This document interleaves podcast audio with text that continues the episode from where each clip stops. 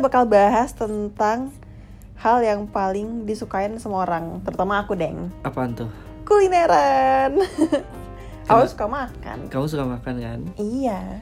Tapi kamu juga suka makan kan? Eh, nggak juga sih. Semua orang suka makan sebenarnya. Semua orang suka makan, kalau nggak meninggal dong. Iya, semua tinggal takarannya aja kan. Iya, tapi hari Sama ini selera, bicara selera, bicara tentang em, kadang tuh kalau kita ngunjungin suatu tempat, Hmm? pasti yang dicari adalah em, makanan khas di daerah tersebut. Iya. Ya nggak sih? Tergantung sih, tapi ada juga yang emang nyari makanan khas atau Hmm? makanan yang lagi hits itu dua kategori berbeda loh. Em, iya oke. Kalau misalnya gimana kondisi di mana si eh, makanan dibilang itu makanan khas dan makanan yang lagi hits. Kondisinya tuh kayak gimana? Oke, contoh gampangnya gini. Ah, ah, Misalnya kita ke Jogja, yes. makanan khasnya apa? Gudak. Gudeg betul. Tapi kalau kita ngomongin makanan yang lagi hits, Hmm. misalnya orang bakal nyari apa? Tempo gelato. Oh. Iya, oke. karena kayak oh lagi rame nih gitu. Iya betul. Atau misalnya kayak em, apa? Aku pernah ke sana sih. Pernah Ah, Tempo Gelato. enak kan? Biasa aja. Masa sih aku cuman suka. cuman rame aja. Ya lumayan lah. Iya, Lumayan. enak enak. Ah. Tapi kalau di Jogja em, jadi mention mention sedikit tentang makanan di Jogja yang Hmm, hits. hmm, Gelatonya aku suka banget Parsley namanya. Nama tempatnya Parsley. hmm. Itu di itu di daerah mana? Aduh, kalau nama daerah kan kamu tahu aku suka nggak hafal kan. Ya, oke. Cuma emang di kota sih dan kayak itu enak. Bisa di Google sih, mungkin kalau ada yang denger terus penasaran Parsley. P A R S L E Y. Kalau nggak salah tuh gelato tuh di Jogja ada dua tempat atau berapa tempat gitu. Banyak sih sebenarnya yang jual gelato di Jogja. Oh gitu ya? Hmm. Cuman beda beda nama restonya aja Iya, gitu. beda resto aja. Oh gitu. Parsley tuh nggak cuma jual ini, mm, apa nggak cuma jual es krim, tapi kayak jual makanan-makanan juga gitu. Bener restoran, jadi enak sih. Hmm. Kalau kata orang Bekasi mah bukan es krim, es grim. Es krim, ih emang gitu. Iya. Sorry aku kayak nggak part of ini deh, Oh, ba- baca, Bekasi yang ba- gitu. Bacanya bukan es krim, tapi es grim. Eh dia nggak pernah sih aku sih. Iya. Gak bisa ngomong es krim orang Bekasi itu. Orang Bekasi mah aneh-aneh bisa bensin. Iya, kalau ngomong kalau ngomong bensin, bensin. Bensin. iya. Iya, karena aku anak Bekasi kamu juga Iya, kan. bagian nilok. ah, katop. Terus kalau misalnya di Jogja, apalagi makanan favorit kamu misalnya kalau ngomongin tentang Jogja? ngomongin tentang Jogja Tanggung ya. kan? Iya. Ah, Kalau ngomongin tentang Jogja, aku tuh sebenarnya suka sate kelatak. hmm. Eh, kelatak Iya, kelotak? kelatak. Sate kelatak Iya. kan? Iya. Sate kelatak itu enak. Mm-mm. Em, terus apa lagi ya? Iya. Oh, kalau kata temen aku nih, Hmm. em, kemarin aku iseng buka sesi tanya jawab lah di Instagram. Hmm. Nah, banyak tuh yang masuk Hmm. em, cerita tentang pengalaman makanannya. Hmm. Salah satu temen aku bilang, Hmm. kok di Jogja harus Siapa banget namanya? Mention Amiza. aja. Hai, semoga Amiza dengerin. Iya. Jadi dia bilang harus banget nyobain tengkleng. Iya. Nah, aku sih belum pernah nyoba Aku tengkleng pernah sih. nyobain. Kamu suka? Suka, suka banget. Tengkleng tuh gimana sih? Tengkleng tuh lebih ke apa? Dia kan jeroan kan. Hmm. Aku tuh pernah nyobain yang di daerah, aduh, ah, singit sih. Nama tempatnya apa ya? Pokoknya dia di, dia di pinggir jalan, kayak kayak tenda pecel lele gitulah pokoknya. Mm-mm. Dan itu rame banget. Jadi tuh kita bisa milih ada beberapa jenis tengklengnya itu gitu. Ada yang campuran, ada yang apa-apa segala macam kayak gitu. Itu enak banget sih dan ya Jogja kan masih masih murah kan kalau kita bicara tentang kulineran dan lain-lain gitu itu enak banget sih itu kayak soto kali ya soto bla bla bla pokoknya gitulah pokoknya Kata temen gulai kayak gitulah gulai soto pokoknya gitulah Nah, cuma kata temenku ini, hmm. tengkleng itu isinya jeroan dan tulang. iya emang iya jeroan dan tulang Gak ada dagingnya. ada ada Tapi Ya, mungkin dong makan iya, tulang Iya, doang. enggak maksudnya dagingnya daging jeroan, gak daging sapi berarti. ada ada daging sapinya jadi tuh di apa namanya jadi kalau kita milih kalau ini Mhm. pengalamanku ya kita milih misalnya oh eh, aku tuh lupa macam-macamannya tuh apa aja pokoknya intinya si jeroannya itu udah ada kayak diikat jadi emang kalau kita milih eh, apa namanya mangkok yang itu atau porsi yang itu dia udah ada kayak gitu Oh, oke, jadi tinggal kayak udah dipaket-paketin gitu gitu Hmm, paket bento ya. Heeh. kayak gitu lah dan itu enak banget Iya, sih iya, iya. Oke. mungkin tapi- kalau kalau aku bilang em, itu kayak mendekati gulai atau emang gulai ya kayak tongseng gak sih? iya iya tongseng gulai pokoknya kental gitu Hmm. dan itu enak banget sih tapi bagi sebagian orang kan ada yang nggak suka kan sama kayak jeroan Ya kayak macam. aku sih. kamu nggak doyan ya Enggak, enggak suka. Nah, suk- enak banget sih Enggak. Oke, tapi kan Eh, selera ya. iya. Kulineran tuh pasti selera kan. Eh, Em, kalau aku sih tipe yang enggak suka sama jeroan. hmm. terus kalau tadi nyambung kayak di Jogja tuh kayak kelatak kelatak kan em, Banyak kamu pernah nyobain yang mana tuh Pak Bari. Pak Bari apa Pak Pong? Eh. Kalau Pak Bari yang di itunya di eh, pasar. Enggak deh, aku yang papong berarti. Kayaknya kamu Pak Pong deh. Aku Iya, pernah nyobain dua-duanya.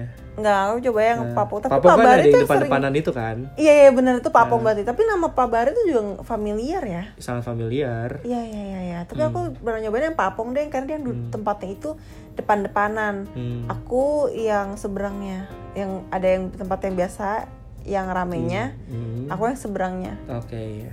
gitu. Yang rame itu sebelah kanan. Iya. Nah, aku di yang sebelah kiri, yang Iya, iya, secara pencahayaannya yang lebih cerah. Kalau yang, yang sebelah kanan kan yang kayak agak lebih gelap gitu kan. Iya benar-benar. Hmm. Ya, itu Pak Pong. Aku pernah juga sih situ. Kalau Pak Bari em, paling dia kalau Pak Bari tuh ini apa namanya? Karena berebutan rame. Hmm. Dan kalau misalnya bagi yang pengen nyobain sih jangan pas di musim liburan gitu sih. Hmm. Karena di hari biasa aja rame rame banget gitu. Kayak bener-bener kita di pasar gitu. Hmm. Jadi paginya tuh mungkin itu jadi kayak pasar biasa. Jadi terus malamnya si bapaknya ini kayak Hmm. jual kayak gerobakan gitu di terus nge-serve-nya di situ. Jadi orang kayak bener-bener dia provide kayak meja tapi nggak banyak kayak gitu Hmm. banyak kan juga gelar tiker gitu makan di uh, pelataran si pasarnya itu sendiri gitu Hmm. dan itu yang bikin unik sih seru sih kayaknya. seru abis Experience-nya beda ya. experience-nya beda banget gitu Hmm. Oh, kamu pernah nyoba ini nggak? Kalau di Jogja, Hmm. keluargaku tuh suka banget jejamuran. jamuran tahu yang rame banget yang sampai berbes-bes itu kan Iya, tapi aku suka banget jejamuran. emang makannya enak sih Enak, enak, enak. Iya. Bayangin ya, tongseng jamur. Hmm. Wah, itu enak banget iya sih. sate jamurnya juga enak Sate jamur juga enak. Iya ya Hmm. serius sate jamur. Tapi aku kalau disuruh milih favorit nomor satu numero uno tuh adalah tongseng jamur. Wah Hmm. itu enak iya banget. tongseng tongseng jamurnya enak Iya parah itu sih. Hmm. Kalau dari Jogja terus temen aku juga Amiza tadi selain cerita soal teng-teng, Hmm. dia juga cerita soal kalau di Solo itu ternyata kayak darah sapi tuh juga dijual untuk Hmm, makan. aku belum pernah sih Jadi kayak digoreng gitu. Hmm, menarik sih Eh nggak boleh sih Oh, sebenarnya nggak kalau buat yang muslim Oh, yang muslim itu tuh nggak boleh? iya nggak boleh makan darah. emang nggak boleh oh iya nggak boleh sih nggak boleh. Hmm. Cuma maksudnya tapi menarik sih maksudnya Menarik, dia, maksud- diapain digoreng katanya. Hah? Digoreng. oh gitu Iya mungkin. jadi mungkin dikentelin Iya dikenal dibekuin terus. dibekuin terus kayak Iya terus jadi kayak digoreng gitu. hmm, Iya di Solo sih itu letaknya. Makanya aneh, aneh sih menurut aku. Tapi lagi-lagi kuliner tuh kan kayak beda-beda gitu kan, Hmm. banyak banget. hmm. Kalau makanan di Solo kamu sukanya apa? Solo, Solo, Solo, Solo, Solo, Solo, Solo. Solo tuh ada di daerah em, aku, ya aduh, bener-bener sih. Itu ada eh, gudeg yang jualnya itu cuman malam dan itu rame banget gitu. Jadi ramenya itu jam 11, sekitar jam 11, jam 12 Ini malam. di di Solo. di Solo. Oh gudeg ya? Gudeg. Eh aku lupa bilang, eh lupa nanya tadi gudeg di Jogja favorit kamu apa? Aduh, orang kan taunya Yujum bla bla bla Ah, segala hmm, macam. Iya aku nggak terlalu sih bukan Ah. yang itu. Cuman iya sih bukan. Kalau kamu apa? Gudeg Sagan. Oh gudeg saga. Iya. Aku pernah ya. Karena pedes enak. Hmm, iya, iya. Terus juga Jogja tuh banyak banget makanan yang seru sih. Iya ya banyak banyak. Uh, uh. kadang juga kalau orang jalan-jalan misalnya ke alun-alunnya Hmm. aku kalau misal ke alun-alun kalau misal malam apa biasanya itu apa namanya ngeronde kayak gitu-gitu. Oh jadi nyari iya, nyari iya, sesuatu yang emang jarang banget ditemuin di de- Jakarta dan sekitarnya kayak gitu sih. Iya sih. Uh, uh. wedang ronde kayak gitu gitu tadi Solo juga menarik terus aku ingat juga di Kos Semarang itu Terus, ada eh ada lagi deh ada Apa, lagi apa? Jogja. Soto sampah. Iya apaan tuh? Iya ampun tuh apaan? So- soto sampah. Jadi tuh em, aku lupa kenapa dinamain itu. Pokoknya itu kalau nggak salah dekat pasar. Nggak appealing sama nggak sama sekali. nggak feeling tapi enak gitu. Oke. Nah, cukup terkenal di pinggir jalan juga sih. Hmm. soto sampah epic sih.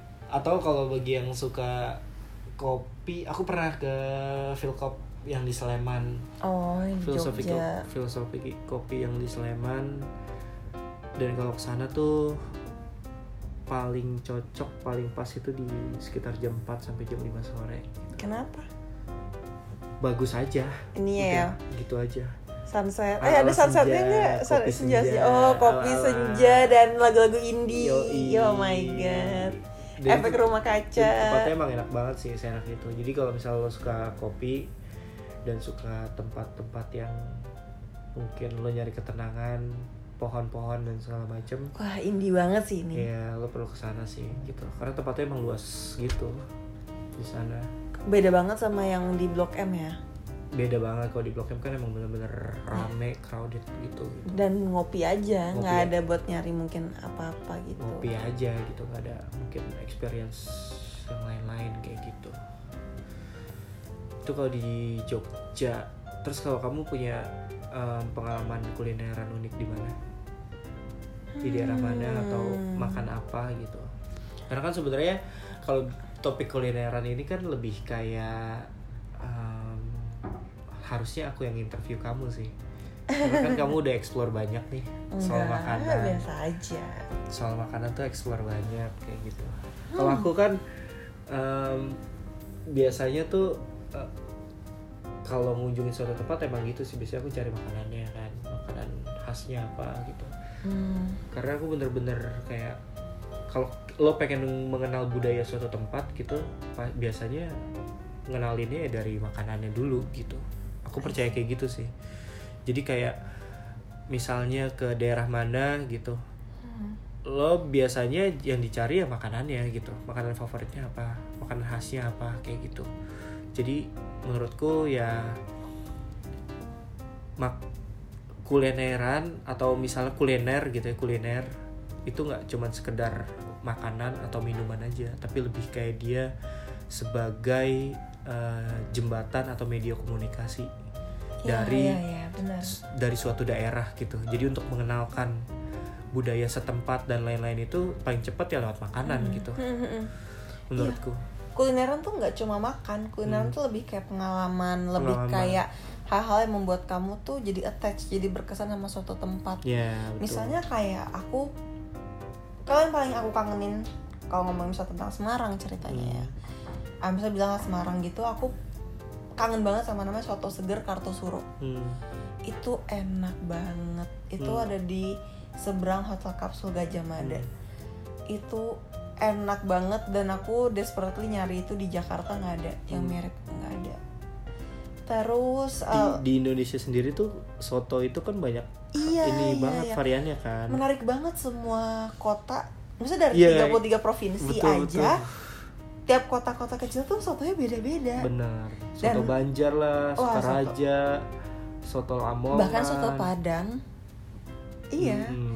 semua beda-beda tapi itu maksudnya kalau balik lagi tadi ngomongin kayak makanan yang benar-benar berkesan kulineran tuh aku suka sih kalau misalnya kayak Semarang Hmm. itu bener-bener pernah aku ngantri makan leker paimo yang nah itu masuk makanan hits ya bukan Hmm, makanan hmm, hmm. legendaris eh sorry bukan makanan khas tapi makanan hits Hmm.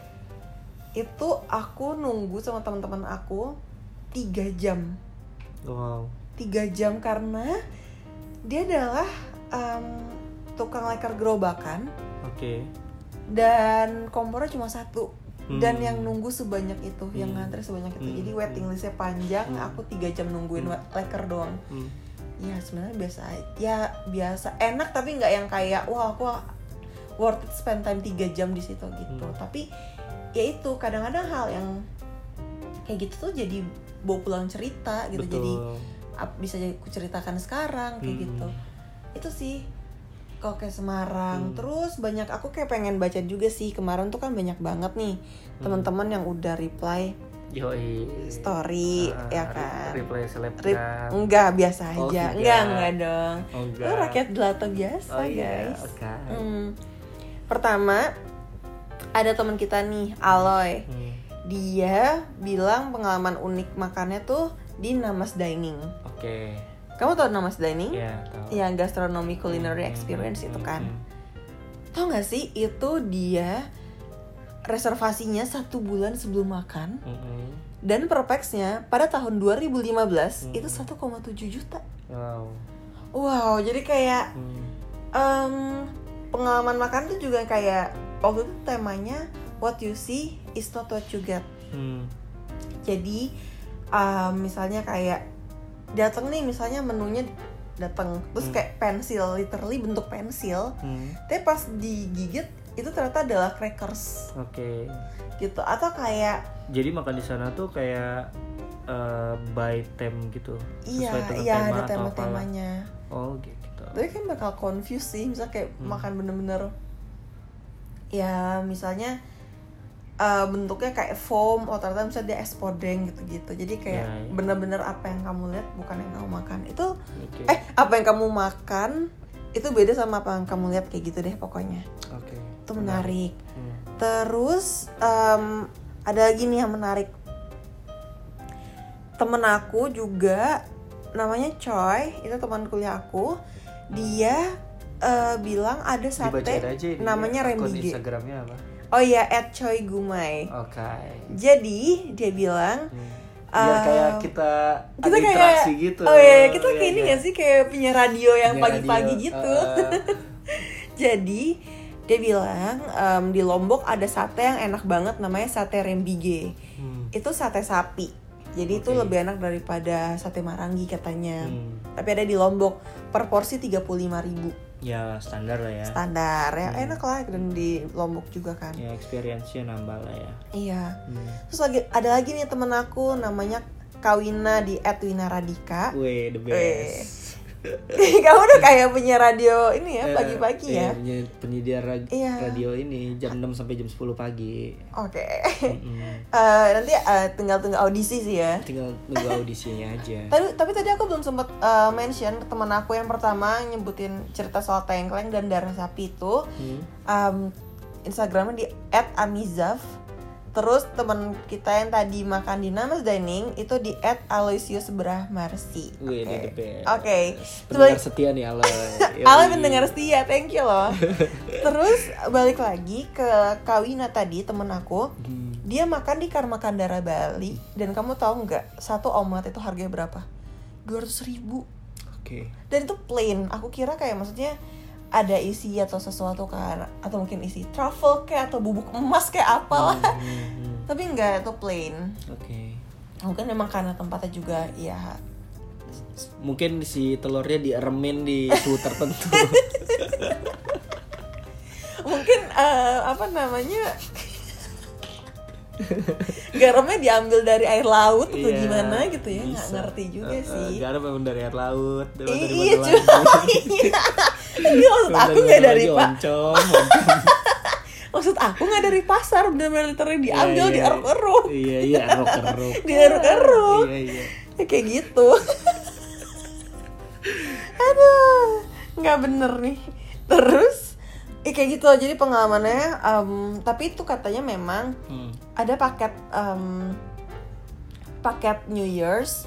Jadi kayak tiga tiga setengah juta dinner tapi kayak maksudnya itu dua ribu itu di luar lagi dari package itu. Ya kayak gitulah pokoknya. Oke.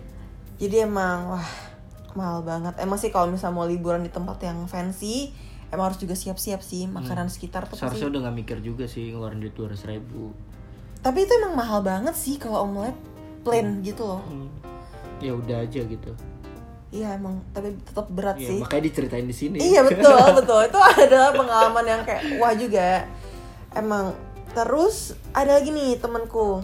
Hmm, Ed Azhani Hani. Oke. Temanku Hani ini dia lagi tugas di Natuna. Oke.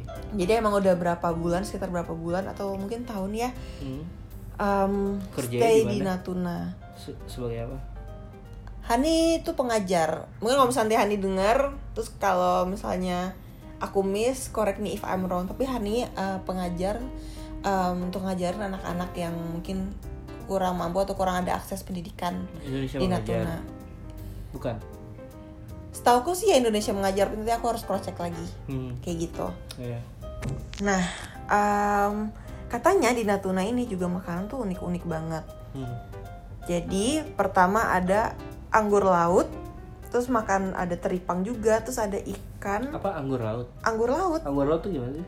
Aku juga nanya sih, tapi em, belum bisa juga menggambarkan si anggur laut itu Coba ya, sebenarnya aku gimana. sambil- Coba kamu sambil searching ya, karena kita kan sekarang udah di era teknologi, kamu bisa cari di Google. anggur laut apa sih? Nah, Anggur tapi laut, ya. Hmm, sambil eh, sambil kamu nyari, Hani juga cerita kalau misalnya nih di sana makanan paling favorit itu atau makanan paling khasnya adalah ikan simbek. Jadi ikan simbek itu tongkol tuna dan itu makanan di salai. Salai itu jadi kayak diasap gitu. Jadi ikan simbeknya eh, diasapin terus Hmm. dimakan kayak gitu. Hmm. Nih yang anggur laut. Kaulerpa lentilifera. Gimana sih? Emang itu nama ininya. Ih, jelasin kok. Coba kamu jelasin dong. Jadi itu spesies. Oke. Hmm. Bentar dulu ya, bentar. Rumput laut dia. Oh, rumput laut. Ah, bentar, bentar bentar dulu, bentar dulu.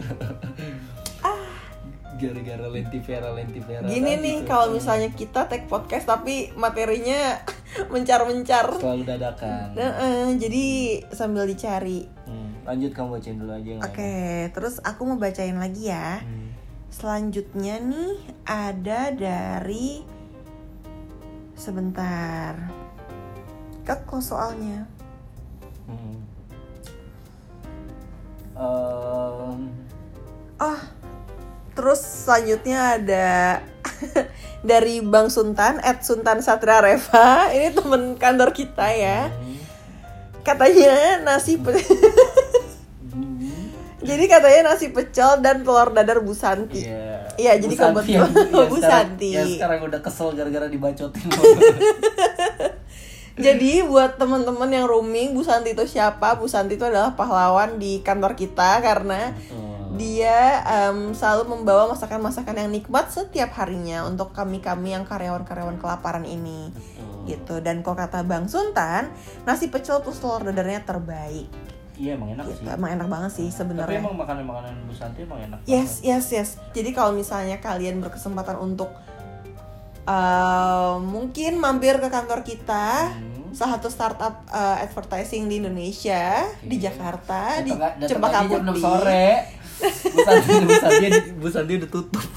Datangnya kalau bisa jam-jam pagi, jam Bu Santi buka dari jam 8 pagi sampai jam 4 sore. Till drop. Till drop. till drop. gaya. Gaya. So far itu sih. Hmm. yang menurut uh, aku tuh kayak oke teman-teman aku tuh bahas yang itu pengalaman-pengalaman unik mereka kayak gitu. Hmm. Nah kalau balik lagi nih ke kamu, Hmm. Akhir-akhir ini deh pengalaman kuliner yang kamu kayak wah ini seru banget itu apa? pengalaman kuliner yang seru banget dan unik. Kalau aku kan tipikal orang yang makan apa aja ya. Ju- tapi lebih gini sih.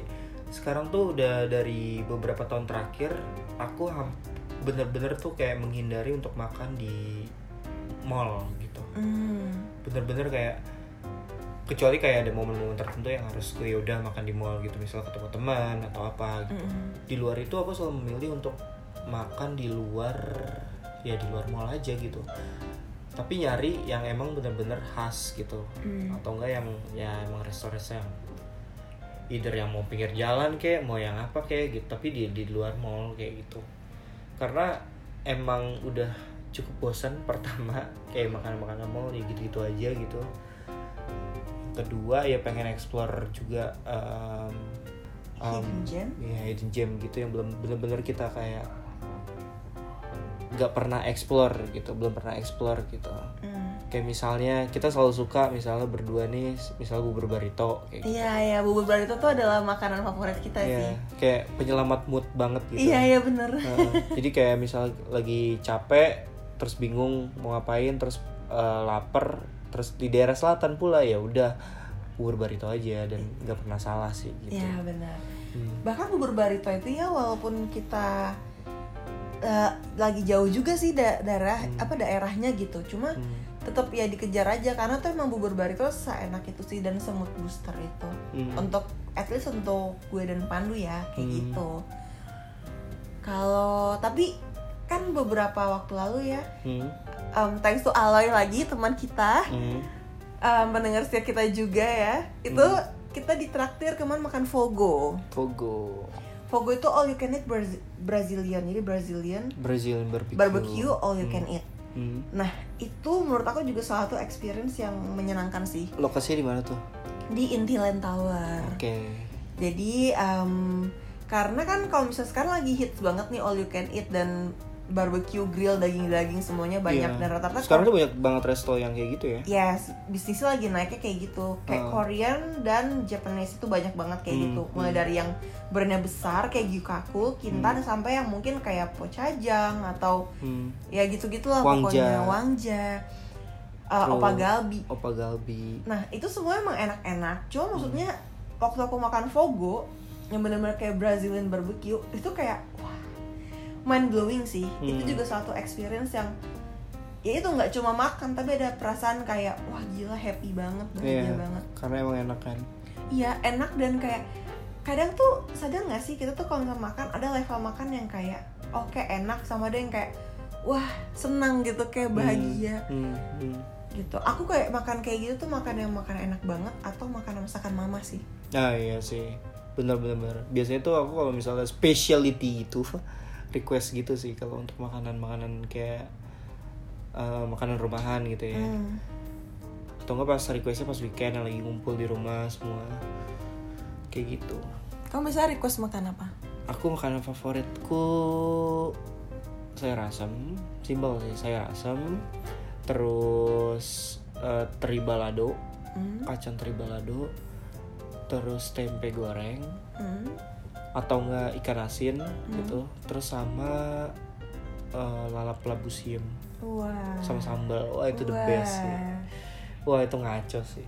Oh iya. Heeh. biasanya atau enggak tuh mama suka kalau lagi kita lagi ngumpul gitu ngumpul keluarga suka eh, masak kayak sop iga gitu atau soto Hmm, betawi atau bikin kayak bakso kayak gitu. Jadi biar kayak gampang kayak tinggal cemplong cemplongin aja gitu kan bakso terus kayak ya udah kayak gitu sih kalau lagi di rumah itu itu makanan favorit aku kalau kamu gimana Aku banyak sih, banyak Hmm. banget. hmm. Aku suka banget masakan mama tuh Hmm. ayam balado, ayam kari, terus em, tumis daging, Hmm.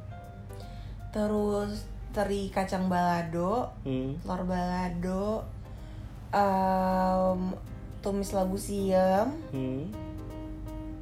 Apalagi ya, wah banyak sih. Hmm. Em, oh, mama suka bikin ayam kungpau juga, Hmm. terus em, kayak chicken black pepper, terus em, oh ini juga sih apa namanya kayak ikan ikan apa sih? Namanya ikan selir ya yang Iya kecil-kecil. Iya iya ikan selar. Iya iya Selar atau iya selir iya sih? pokoknya itulah. Iya itu goreng kering di balado Hmm. Apa ya? itu kan laut ya? Iya deh kayaknya. Iya kan laut ikan selar selar selar ya pokoknya iya itulah. iya itulah pokoknya. Hmm. terus apa lagi ya? Banyak deh. Banyak banget makanan masakan masa ma- masakan mamaku yang aku suka banget gitu. Hmm.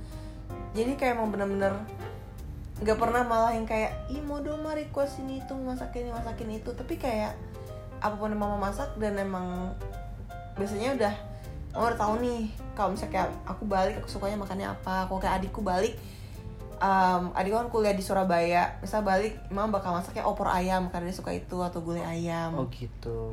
Iya. gitu. Tapi emang biasanya juga ada juga makanan-makanan yang kayak sifatnya seasonal gitu gak sih? Kayak misalnya tadi opor ayam kalau misalnya lagi pas cuman lebaran Oh, atau apa iya, iya. Jadi makanan bener-bener seasonal tuh yang emang Iya. bikin kangen banget gitu di tradisi keluarga aku setiap lebaran idul fitri atau, idul adha hmm. makanan pasti gini nih pakemnya Hmm. lontong Hmm. em, sayur labu siem sa eh so- sorry sayur labu yang apa sih tahu kan Iya tahu Em, terus rendang hmm. terus opor ayam terus em baladonya biasanya eh, balado teri kacang Hmm. atau enggak balado kentang antara itu. Sama ini tauco udang. Dan itu selalu aku belum pernah sih tahu udang tuh gimana? Jadi emang karena keluarga aku kan Sumatera. Hmm. jadi kayak tauco tuh udah pasti harus ada kayak lontong ini aja kayak lontong Medan gitu. Iya iya pokoknya pedes gitu lah semuanya. Iya jadi emang ada bumbu toconya jadi kayak hmm. em, buncis cabai merah cabai hijau di rajang-rajang gitu kayak Hmm. dipotong-potong Hmm. terus eh, tumis kasih bumbu toco udah eh kasih udang juga udang kupas Hmm. gitu tumis semua itu enak banget masak. sih pasti iya Hmm. itu bikin aroma lontongnya tuh beda banget Hmm. jadi bener-bener kayak udah tuh dimasukin semua kayak lontong Hmm. rendang daging opor ayam balado oh karena pakai serundeng juga toco udah. Dalam satu mangkok wah itu terbaik sih. Itu adalah Hmm. hal yang selalu aku kangenin selama eh setiap lebaran tuh kayak itu yang paling ditunggu-tunggu deh. Iya sih bener. Em, apalagi kalau misalnya aku di kalau misalnya lagi lebaran gitu kan suka keliling gitu kan Hmm. ke rumah saudara. Jadi ya makanan yang cobain sebenarnya sama aja variannya kayak opor. Paling campurannya apa gitu. Mm-mm.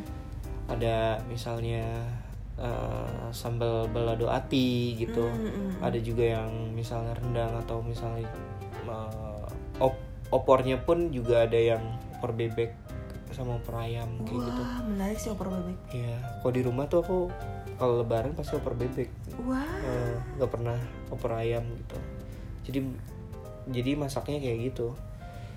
Karena kita udah tahu udah pasti kayak kalau kita keliling pasti dia ini opor ayam gitu. Jadi kita di rumah biasanya sebelum kayak keliling gitu ke rumah saudara biasanya makan dulu Mm-mm. di rumah gitu makan ketupat terus opor bebek gitu sambal balado ati kayak gitu gitulah terus baru nanti kalau misalnya udah keliling ya jadi kalau misalnya dalam satu hari terus kayak keliling ketiga atau empat rumah ya udah kita nyobainnya makanannya ya model kayak gitu-gitu aja gitu Hmm, I see. hmm, Tapi kalau kita ngomongin kulineran ya dan Hmm. ngomongin kulineran lebih dalam perspektif experience, hmm, nggak afdol kalau aku nggak bahas soal Bandung sih. hmm.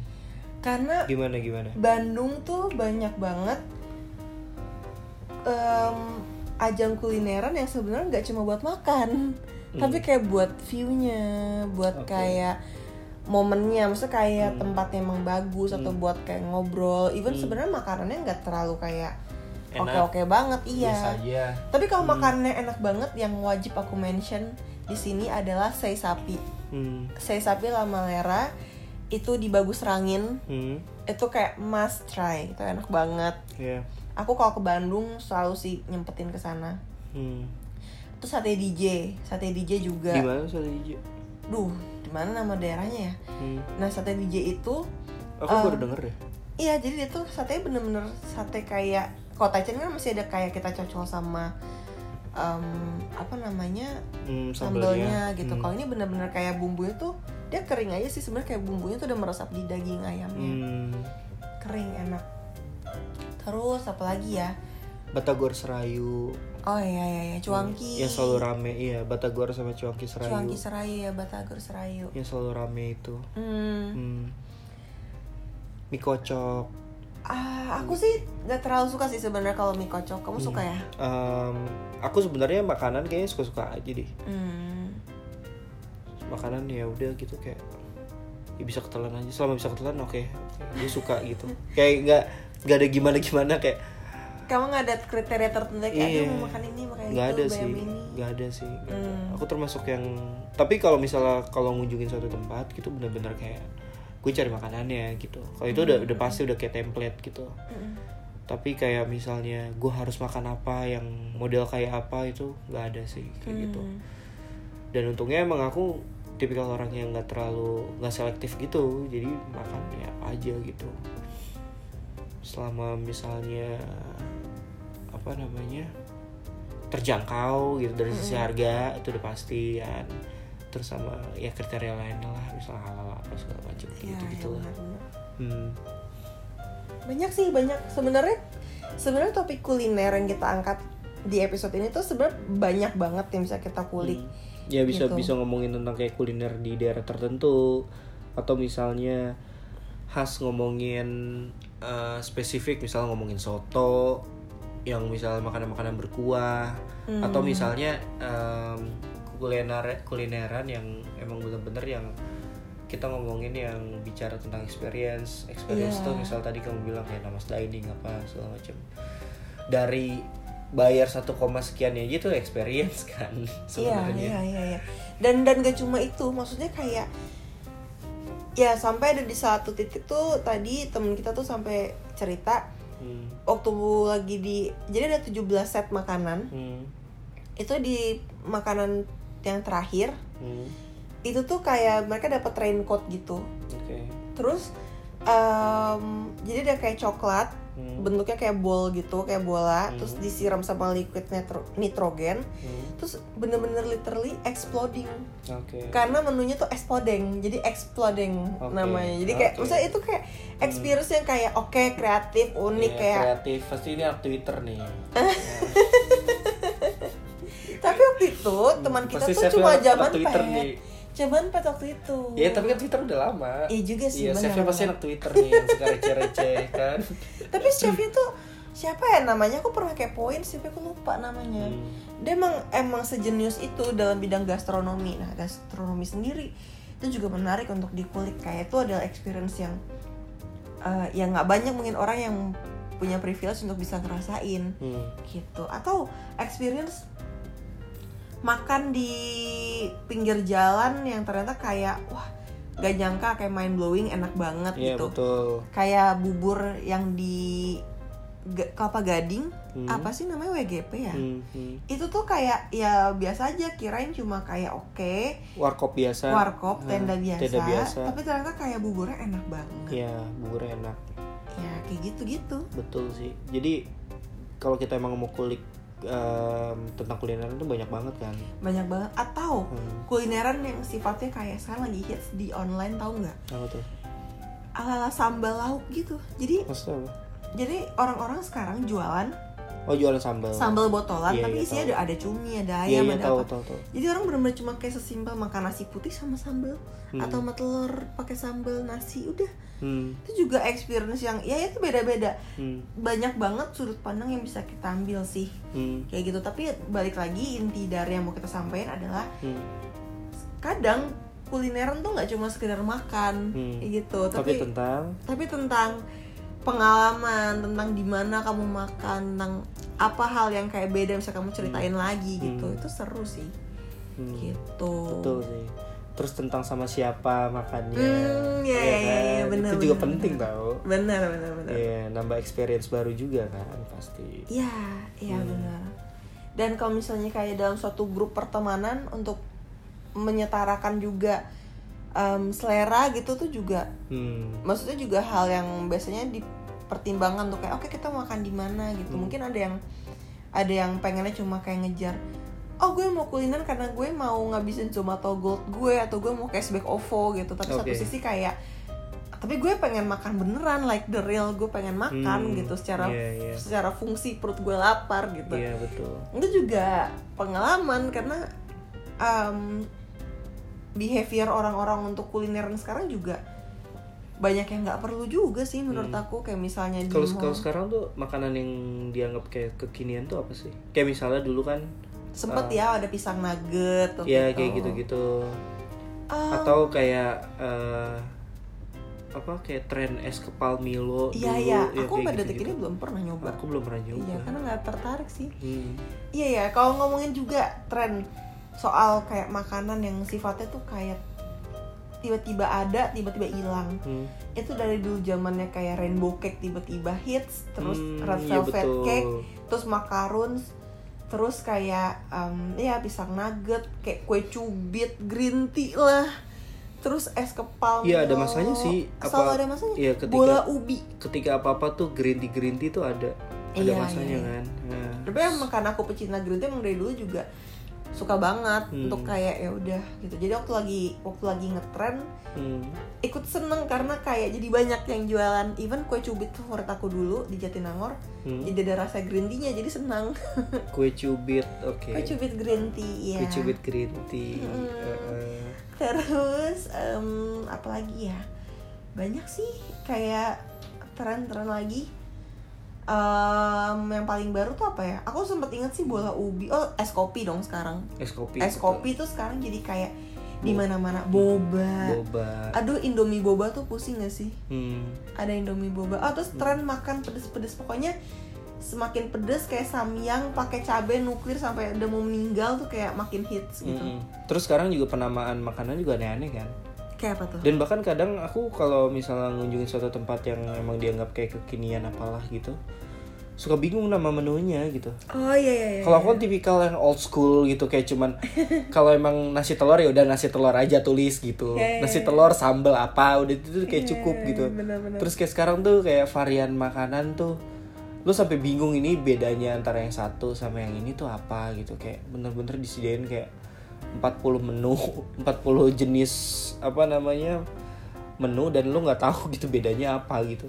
Iya iya selain bisa mengidentifikasi oh ini nasi ini mie terus kayak ini apalagi kayak gitu aja gitu. Sekarang juga tuh salmon mentai itu Hmm. juga lagi hits tuh kayak semuanya salmon mentai shirataki gitu kan. Oke. Em, banyak sih kayak apalagi ya sekarang ya Iya perbobaan itu sih perbobaan sih Nah, tapi bener-bener tapi boba itu kan bukan cuman di Asia juga maksudnya bukan trennya itu sampai ke Amerika juga gitu Iya, tapi maksudnya kalau sekarang tuh di Indonesia karena Indonesia adalah sektor em, apa ya yang kayak bidang kreatif tuh tinggi gitu loh. Hmm. Jadi kayak eh, boba tuh udah sampai kayak dijadiin cake, Iya dijadiin topping Indomie. Hmm. Terus kayak pernah aku sushi boba, aku nggak ngerti lagi pizza boba. Ya kamu gitu. pernah ini nggak tahu kalau misalnya kenapa kita terlalu cepat untuk kayak mengadopsi gitu Nggak tahu. karena emang tipikal eh, Asia itu maksudnya warga Asia gitu masyarakat Asia itu dia dikategorin sebagai early adapter gitu Hmm. jadi apa pun tren yang ada di dunia dia selalu pengen kayak di awal dia harus jadi yang pertama nyobain kayak gitu Oh, itulah kenapa kayak misalnya eh, launching brand apa-apa segala macam itu banyak kan di Asia sering di Asia kayak gitu. Oh, itu salah satu faktornya gitu. Makanya kayak eh, bahkan kayak ke teknologi even kayak makanan gitu. Mereka ekspansi gila-gilaan di Asia pasar Asia gitu. Karena sekali misal ngeklik kalau misalnya dia si sebuah brand gitu ya bisa berhasil menjual produknya dan dianggap tanda kutip dianggap penting ya kita sebagai warga apa namanya Asia gitu ya serumpun Asia itu menganggap kayak perlu dan harus kayak bener-bener ya udah ini ra- dirasa penting ya udah gue beli gitu. Atau enggak gue cobain kayak gitu. Jadi emang karakternya kayak gitu. Hmm. gitu. Kalau di marketing tuh ada istilahnya uh, fear of missing out tuh ada. ya FOMO Mm. Hmm, kayak ibaratnya kalau gitu ya, kalau lo nggak nyobain ini berarti lo kayak dianggap ketinggalan Iya gitu iya benar kayak maksudnya em, kayak waktu zaman zaman Sin Futang sama Tiger Sugar pertama kali keluar aja Mm-mm. itu kayak orang-orang tuh ngantri panjang. Even- sekarang masih gitu oh masih sampai kayak Kokumi pertama kali masuk Bekasi tuh Hmm. di dekat di salah satu mall dekat uh, rumahku itu ngantri satu jam setengah. ngapain sih Iya, Ya, cuma oke. untuk nunggu boba. Iya, Kayak- guys, gua gua appreciate sih untuk orang-orang yang kayak Iya, gitu, iya, tapi gua nggak mau ngabisin. Iya maksudnya ya sam- itu sama kayak aku ngantri leker paimo karena aku nggak pengen Hmm. missing out. Oh aku ke Semarang tapi nggak makan Oh, yang iya, betul. katanya hits ini gitu. Betul. Padahal kayak oke dalam tiga jam aku bisa kayak mungkin pergi ke mana Hmm. tapi ya udah kayak gitu maksudnya kayak dianggap ketinggalan zaman. Ya kayak kamu ingat gak dulu zaman King Mango pertama kali keluar di Neo Soho? Iya. Itu orang bisa spend satu kayak atau dua jam oh pertama di Ngantri. Neo Soho ya? Iya kalau nggak salah di Neo Soho. Terus em, sekarang udah kayak udah sepi gitu. Sepi. Masa kayak kayak kalau orang, cuma sekedar tahu doang kan? Iya, karena orang tuh pengen jadi yang kayak pertama jadi yang pertama nyoba dengan semua konten-konten eh, sosial media. Mereka tuh kayak pengen ngepost pertama gitu. Em, sebagai penutup, kapan-kapan guys, ini nggak disponsorin sih, tapi wajib coba bubur barito sih, Hmm. terbaik. Iya, kamu kan suka per buburan kan? Iya iya iya, Cap bubur, Tiger. bubur cap tiger, bubur eh, barito. Aku yang belum coba bubur cikini sih. Aku pernah nyobain, cuman biasa aja. Iya ya. Heeh. Soalnya menurut menurut aku Hmm. bubur itu paling enak justru di malam hari Hmm, dan nasi goreng paling enak makan di pagi hari nggak tahu dari dulu kayak gitu Hmm, kalau aku yang penting ada. Bedanya itu.